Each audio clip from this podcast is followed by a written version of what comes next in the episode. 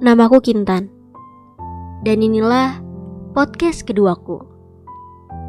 Kali ini aku mau membahas tentang hubungan yang toksik. Ya, aku mau membahas tentang hubungan yang toksik. Karena banyak banget nih di luar sana yang punya hubungan tapi nggak jelas. Hubungan dengan kekerasan. Eits, tapi kali ini aku nggak sendirian. Kali ini aku akan ditemenin oleh teman aku. Namanya Clara. Kali ini dia akan cerita tentang kisah toksiknya. Wah, kita sapa dulu yuk. Hai Clara.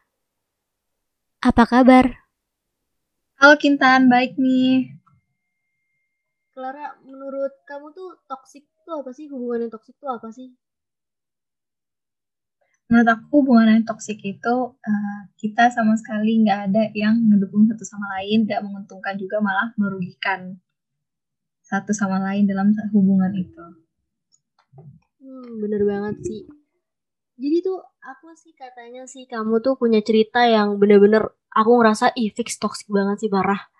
Bisa diceritain gak sih nih cerita toksik kamu tuh yang bener-bener wah itu? Boleh, boleh, boleh. Jadi aku tuh uh, uh, masuk ke dalam toxic relationship sekitar satu tahun yang lalu. Jadi tuh mulai dari awal kayak uh, ini satu orang ini posesif banget kayak mengatur semua aspek dalam hidup gitu loh. Jadi uh, pertama itu yang ditunjukin adalah uh, aku dilarang buat komunikasi atau ngobrol sama lawan jenis semacam itu. Terus abis itu ya menurut aku sih itu lumayan toksik ya udah permulaan toksik gitu. Uh, selanjutnya itu aku pernah lagi uh, apa paha aku ditusuk pakai uh, apa tuh namanya? Kunci motor. Hah serius? beneran iya. gimana itu? Ya ampun. Sumpah kacau parah. Iya ditusuk pakai kunci motor sampai berbekas. Ya kan nggak eh, nggak ditusuk doang sih kayak dicakar juga yang kayak cakar gitu ke kaki aku gitu gitu nah sampai saat itu kayak aku ngerasa ih parah banget nih toxic. Terus eh, nggak uh, cuma main tangan doang tapi omongannya juga sih menurut aku yang kayak uh, dia ngatain aku cewek nggak bener lah ngatain kalau kalau misalnya aku ngobrol sama cowok dia ngatain aku yang kayak jawab uh, boleh gak sih? Boleh boleh. Boleh apa pun boleh itu. Yang kayak jawab lah lonte lah gitu gitu kayak mengatakan sesuatu yang tidak pantas seharusnya untuk dibicarakan ya kan? Gitu. Terus abis itu selanjutnya yang aku ngerasain toksik banget adalah dia ngancam aku untuk ngebunuh dan bakal ngerusak uh, apa hancurin uh, psikis aku. Dia bilang kalau nggak mau dibunuh ya udah gue hancurin eh aku hancurin aja psikis kamu gitu loh. Oke mungkin kita bisa aku sih kayak ya. Gue lu nggak apa-apa sih kayaknya sih ya. Oke oke. Pas nggak aku lihat aku lihat baru. Iya aku lihat kayak satu tahun kayak gue berada di toxic relationship yang kayak wow. Sumpah itu kayak terus apa lo nggak ada perlawanan atau kayak ngerasa ih ini orang nggak bener terus jauh gitu. Kenapa masih bertahan gitu? Gue ada perlawanan beberapa kali. Gue per, gue pernah perlawanan. Gue minta untuk kayak mengakhiri hubungan itu kayak udahlah putus aja ngapain sih? Gitu kan. Cuma gue pernah uh, pas diminta putus uh, itu dia uh, gue keluar gue pulang kampus sama dia terus pas di jalan dia marah dia malah ngegas motornya dan akhirnya gue jatuh dari motor dan akhirnya ya itu gue kayak berdarah-darah kayak sampai luka gitu loh kayak saking dia kayak gimana sih toksik nggak mau dilepas? gitu loh. Dia sayang itu sama sih. lu tapi dia nyakitin lo itu gimana nah itu sebenarnya kalau toksik itu sebenarnya dia menyampaikan salah sayangnya tuh salah gitu loh. Jadi dia bukan malah menyayangi malah menyakiti. Itu lo bertahan sama dia berapa bulan? Satu tahun. Gila. ya ampun. Apa nggak pernah ah oke okay, lo pernah bilang kalau lo mau nyoba untuk ngakhirin hubungan ini tapi dia nggak mau. Ya betul. Benar-benar. Tapi kenapa lo bertahan di saat dia kayak gitu? Apa dia apa di saat dia nggak mau dia nggak ada omongan untuk oke nih gue bakal berubah kalau lo masih tetap sama gue atau gimana gitu. Iya iya dia tuh kayak gue gue pernah yang pas dia ngancem buat uh, ngebunuh gitu uh, gue pernah yang bilang nggak gue udah nggak mau lagi pokoknya. Di itu gue stres banget sih kan kayak takut ngerti gak sih? Gue di kota orang uh, cuma gue diancam gitu kan. Kayak kayak gue takut gitu. Terus tapi yang akhirnya kayak gue bilang gue nggak mau lagi terus akhirnya dia datang-datang minta maaf gitu kayak maaf maaf nggak sengaja gitu. Gue berubah kok gitu gitu kayak untuk meyakinkan. Itu tuh kalau toxic kayak dia meyakinkan cuma sebenarnya kita kayak luluh gitu loh. Yang akhirnya kayak ya nggak apa-apa maafin aja gitu. Kayak ngerasa kalau dia itu pasti bakal berubah nggak sih? Iya benar banget. Aku pernah ada juga udah seperti itu. Terus uh, cara lo buat dia nggak kasar lagi itu ada nggak? Ada nggak sih apa hal yang lo lakuin supaya dia nggak kasar lagi sama lo? Atau ketika dia kasar lo malah lebih galak daripada dia supaya dia diem? Atau lo bakal tetap diem aja? Atau gimana nih? Karena gue tuh anaknya nurut banget ya. Jadi kalau misalnya kasar gue cuma diem terus pulang gue nangis. Uh, kalau gue buat menghindari hal-hal yang kayak gitu gue paling nggak gue, gue menghindari untuk ketemu yang lama gitu loh. Dan menghindari kalau ketemu tuh marahan daripada terjadi hal-hal yang kayak gitu kan. Itu gue menghindari banget. Buat ketemu apalagi pas lagi ketemu tuh marahan gitu loh. Hmm sorry nih Pel kalau gue boleh tahu awal kalian deket tuh gimana sih? Apa dia tuh dulunya sweet banget? Biasanya tuh cowok-cowok yang kayak gitu kan awalnya manis nih. Terus tiba-tiba buang gitu aja malah jadi gak jelas gitu. Atau gimana nih Pel? Iya iya benar. Itu kayak gue uh, pertama kali kenal eh deket itu gara-gara uh, banyak tugas kampus ya kan. Akhirnya kayak kerja bareng dan lain-lain uh, dekat dan ya emang pertama sweet banget baik gitu. Terus tiba-tiba yang kayak udah diatur semua sosmed dipegang, WhatsApp juga dipegang gitu semuanya kayak kayak nggak ada kehidupan lain selain dia gitu. Jadi kayak nggak bisa lah kayak ngobrol sama temen-temen cowok di SMA misalnya mau video call tuh nggak bisa gitu loh jarang banget gitu, terlalu dibatasin semuanya gitu loh Setahu gue lo kan aktif banget gereja nih Benar. terus apa dia cemburu juga masih tetap cemburu kalau lo aktif gitu atau lo malah jadi berhenti sama aktivitas lo dan stay sama dia nurut terus sama dia gimana? Enggak sih karena kan kalau gue di Makassar ya uh, itu gue nggak kurang terlalu aktif di gereja. Cuma yang beberapa yang di Jakarta emang teman-teman gereja gue gue masih apa keep in touch gitu.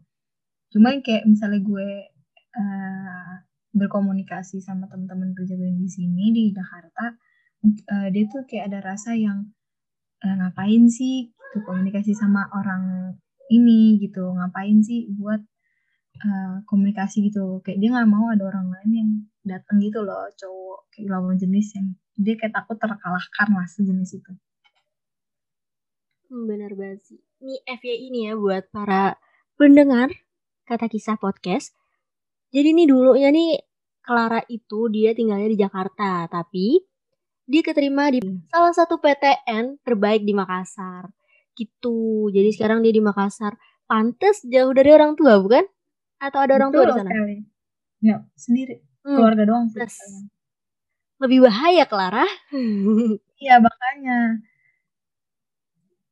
Terus ada yang tahu nggak sih teman-teman atau apa gitu yang tahu kalau lo digituin? Oh iya, teman-teman deket gue di Makassar tahu kalau uh, gue digituin gitu loh sampai gue jatuh dan lain-lain. Temen gue di, di Makassar Makassar itu tahu teman-teman kampus gue bahkan oh. sampai teman-teman gue yang tahu itu dia juga kayak jaga jarak sama ini cowok buat biar nggak itu loh karena saking toksiknya itu cowok gitu loh. Entah toksik atau psiko? Iya semacam itu sih kayaknya tan. Sampai itu parah banget karena ya gimana sih kalau kita sayang kita kan harusnya ngejaga nih ya. Bukan malah ini bukan ngehancurin lagi ini udah bener-bener cowok kok begitu ya guys? Gimana nih? Hmm. terus akhirnya langkah lo untuk bisa bertahan sampai satu tahun itu gimana? Gimana ya? Lang uh, gue langkahnya itu hmm, kalau misalnya uh, dia bikin kesalahan gue kayak uh, yaudah gue maafin. Kayak gue berpikirnya bakal uh, dia ini orang pasti bakal berubah kok. Pasti setiap orang pasti bakal berubah buat jadi lebih baik. Tapi nyatanya kan enggak gitu loh. Itu sih. Pesan yang lo dapet nih dari hasil hikmah hikmahnya dan hikmah yang lo dapet dari hubungan lo yang kayak gini tuh apa nih Klar hikmahnya itu gue tahu sekarang jadinya cara buat ngebahagiain diri sendiri. Kayak buat jauh-jauh sama orang-orang kayak gitu sama gue tahu sih rasanya kalau misalnya uh, dapet cowok yang lebih baik tuh rasa dicintain tuh lebih gitu loh daripada sama orang yang toxic yang cuma mentingin kepentingannya diri sendiri gitu. Hmm, sampai nggak bisa berkata-kata. Sumpah karena Clara itu teman SMA, eh, SMP kali itu Clara itu teman SMA aku dan dia itu bener-bener orang yang ceria banget, aktif. Terus tiba-tiba setelah dia kuliah ketemu dunia baru dan wow, nggak nyangka, ya. sumpah nggak nyangka banget Clara asli. Iya makanya kayak ngerasa juga wow beda juga ya gitu pak. Dulu SMA kayak santai-santai aja. Seru-seruan bareng, lucu-lucu hmm. sama teman-teman lainnya kan. Apalagi kelas lo lucu banget kan parah sih ya lo itu ada keluarga lo yang tahu nggak sih tentang itu? Uh, adik gue sih yang tahu. Apa nggak ada istilahnya kayak adik lo tuh bilang ke orang tua lo atau apain gitu loh ada tindakan gitu. Atau cuma adik lo diem aja karena adik lo juga takut? Enggak sih adik gue uh, gue kan kurang deket banget ya sama orang tua gue. Jadi gue cerita apa apa ke adik gue kan. Jadi kayak ya udah di gue tuh bilang ya udah lo jangan kayak gitu gitu lagi uh, cuma kayak gue masih yang kayak keras kepala lah. Akhirnya gue baru mengakhiri hubungan itu pas covid ini. Jadi gue udah nggak di sana jadi gue ke sini Jakarta. Ada hikmahnya ya covid. Emang sih covid itu bikin hubungan dan jarak jauh itu banyak yang berpisah nih. Tapi iya bener banget. kalau buat lo gue lebih milih lo pisah sih. Asli itu toksik parah makanya ya kayak covid bilang eh kayak pas covid gue juga yang akhirnya gitu kan jauh jadi akhirnya gue bisa self healing sendiri gitu jadi nggak ada yang ganggu gitu nggak ketemu juga kan tapi dia masih suka ngechatin atau ngancem-ngancem gitu gak? Nggak kok, nggak kok. Aman. Aman. Damai. Tentram. hmm. Hal yang paling paling paling banget nih paling lo inget tuh tentang dia tuh apa? Yang separah apa sih dia untuk nyakitin lo? Selain yang tadi nusuk nusuk paha lo terus kayak itu kejadiannya di mana kalau boleh tahu? Itu kejadian kejadiannya nggak jauh dari tempat kos gue. Kok bisa kejadian. gitu loh? Um, jatuh itu gue juga jauh dari kos. Kalau yang nusuk itu pas itu gue lagi di salah satu tempat ini kalau anak kampus kan banyak tempat yang ngeprint ngeprint kan samping kampus. Iya. Nah gue di situ. Dan banyak orang juga tapi dia berani. Gila. Banyak orang berani astaga. Gila. Terus lo nggak gue tuh heran novel kenapa sih lo bertahan gitu loh?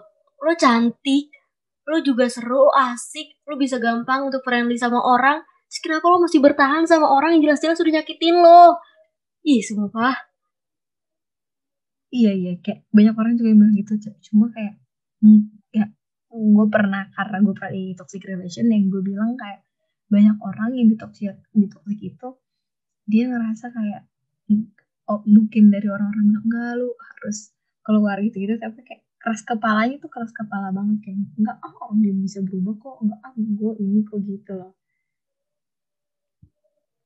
Terus kejadian kata-kata kasar selain dia ngatain lo kayak lonte jawab atau atau bla bla bla bla ada kata-kata lain gak sih yang benar-benar nyakitin parah?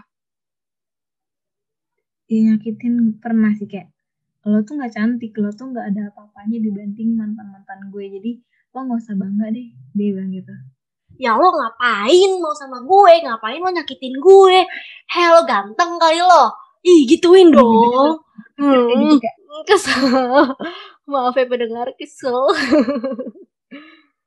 Sumpah ini tuh kita jadinya sesi curhat tau gak sih? Kayak bener-bener sumpah Vel ini bener parah banget. Gue kira tuh yang kayak gini-gini tuh cuma ada di sinetron-sinetron film-film.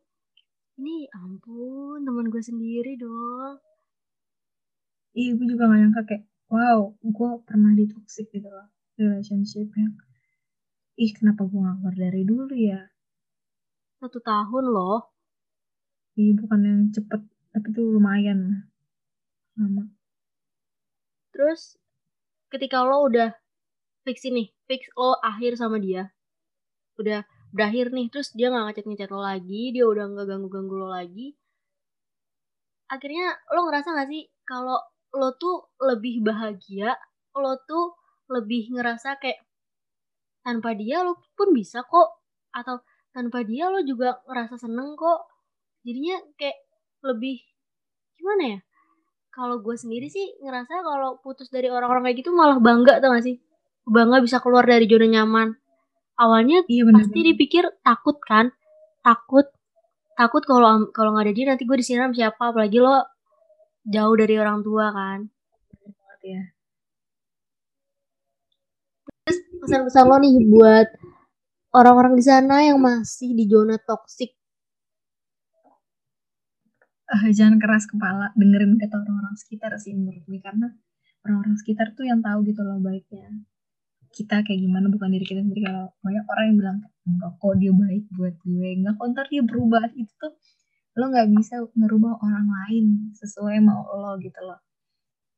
Jadi mendingan keluar sekarang daripada lo nyesel nantinya karena pas keluar dari toxic itu lo uh, kita tuh ngerasain kayak wah seneng loh sebenarnya bahagia loh buat diri sendiri. Kita bisa bagian diri sendiri kenapa kita harus ketergantungan sama orang? Gitu bener banget. Kenapa penyesalan selalu datang di akhir? Iya betul. Cerita-cerita soal toxic. Sebenarnya sih kalau kisah SMA Kintan juga toxic sih. Tahu kan? Gimana tuh tahu kan SMA Kintan nama siapa Tahu dong. Sebenarnya itu toxic sih, lebih kayak toxicnya di gue sih, gue yang kayak ngatur-ngatur. Jadi kayak gue juga punya pengalaman kalau toxic itu karena gue yang ngatur-ngatur, tapi itu salah gue gitu. Gue yang ngatur-ngatur, gue nggak mau dia deket sama orang lain selain gue. Gue nggak mau nanti dia jatuh cinta sama yang lain selain gue. Ya emang beda. Cuma ya gimana? Sayang cinta membutakan segala hal. Iya benar. Kayak lama-lama tuh bukan cinta lama-lama jadi kayak malah bego. Bener banget sih asli. Padahal harusnya kita nggak lakuin itu malah kita lakuin. Dan kita tuh kayak ngerasa ya udah nggak apa-apa gue nggak apa-apa. Tapi tuh orang-orang di sekitar tuh ngiranya tuh kayak ih ini orang ngapain sih? Udah dikasih tahu batu. Ntar kalau udah ada masalah nangis-nangis ini itu. Gitu gak sih? Kalau gue kayak gitu iya, tau. Malah kalian kayak orang yang sering kita curhatin kayak kita orang nangis gue gak mau nih balikan lagi tapi ujung-ujungnya kita bakal kayak balikan lagi. Maaf maafan lagi gitu kan? Bener banget sih. Tapi lo ngerasa gak sih ada aja dukungan dukungan gak jatuh dukungan dari teman-teman lo atau hal-hal lain itu yang ngaruh yang ngaruh banget nih untuk hubungan lo tuh ada gak sih? Yang ngaruh tuh sebenarnya apa ya? Self kontrol sih. Sebenarnya kita mengkontrol diri kita sendiri. Kalau kita udah tahu itu nggak baik kayak udahlah udahin aja kayak jangan dilanjutin. Kayak udahlah putus nyambung putus nyambung putus nyambung marahan marahan lanjutin lagi. Padahal udah tahu tuh salah gitu loh. Gitu sih. Kita perlu self kontrol sama orang-orang terdekat sih yang buat kita tempatin cerita kadang tuh kita butuh pendengar yang baik, ya gak sih? Bener banget sih. Karena kalau kita cerita kayak gini, terus orang itu bilang, ih sumpah, sumpah, sumpah, blablabla, bukannya kita malah jadi lega, tapi malah kayak, ih apaan sih, kan aku cuma mau cerita. Iya, terus ada juga orang yang malah bilang kayak, apaan sih, baru gitu doang. Banyak masih banyak yang lebih sedih, masih banyak yang lebih ini kan kayak gak menghargai gitu loh sama cerita kita. Jadi ada pesan gak nih buat sobat kata yang lagi dengerin podcast kali ini? Buat semua pendengarnya, gue cuma mau kasih pesan kalau kalian sudah merasa tidak diuntungkan atau tidak saling menguntungkan dalam satu hubungan yang bisa merusak uh, mental kalian, lebih baik kalian keluar dari hubungan toksik itu karena kalian harus self love terhadap diri sendiri. Itu aja self love itu penting banget ya gak sih? Nah, buat kalian yang lagi ngerasain hubungan toksik, please keluar sekarang juga ya gak sih? Iya harus banget. Wah, asli sih gak berasa banget ya cerita-cerita sekarang udah 20 menit aja kita cerita. Terima kasih banget nih buat Clara. Aduh, gue tuh kadang manggil Clara, kadang gue manggil Vel random banget gitu nggak konsisten Kintan penyebutan namanya hmm. nah buat kalian semua nih yang mau cerita-cerita sharing-sharing di kata kisah podcast bisa banget nih DM di Instagram @kintanra nantinya akan ada di episode selanjutnya episode selanjutnya juga gak akan kalah seru loh pokoknya pantengin terus kata kisah podcast only on Spotify. Terima kasih. Bye bye.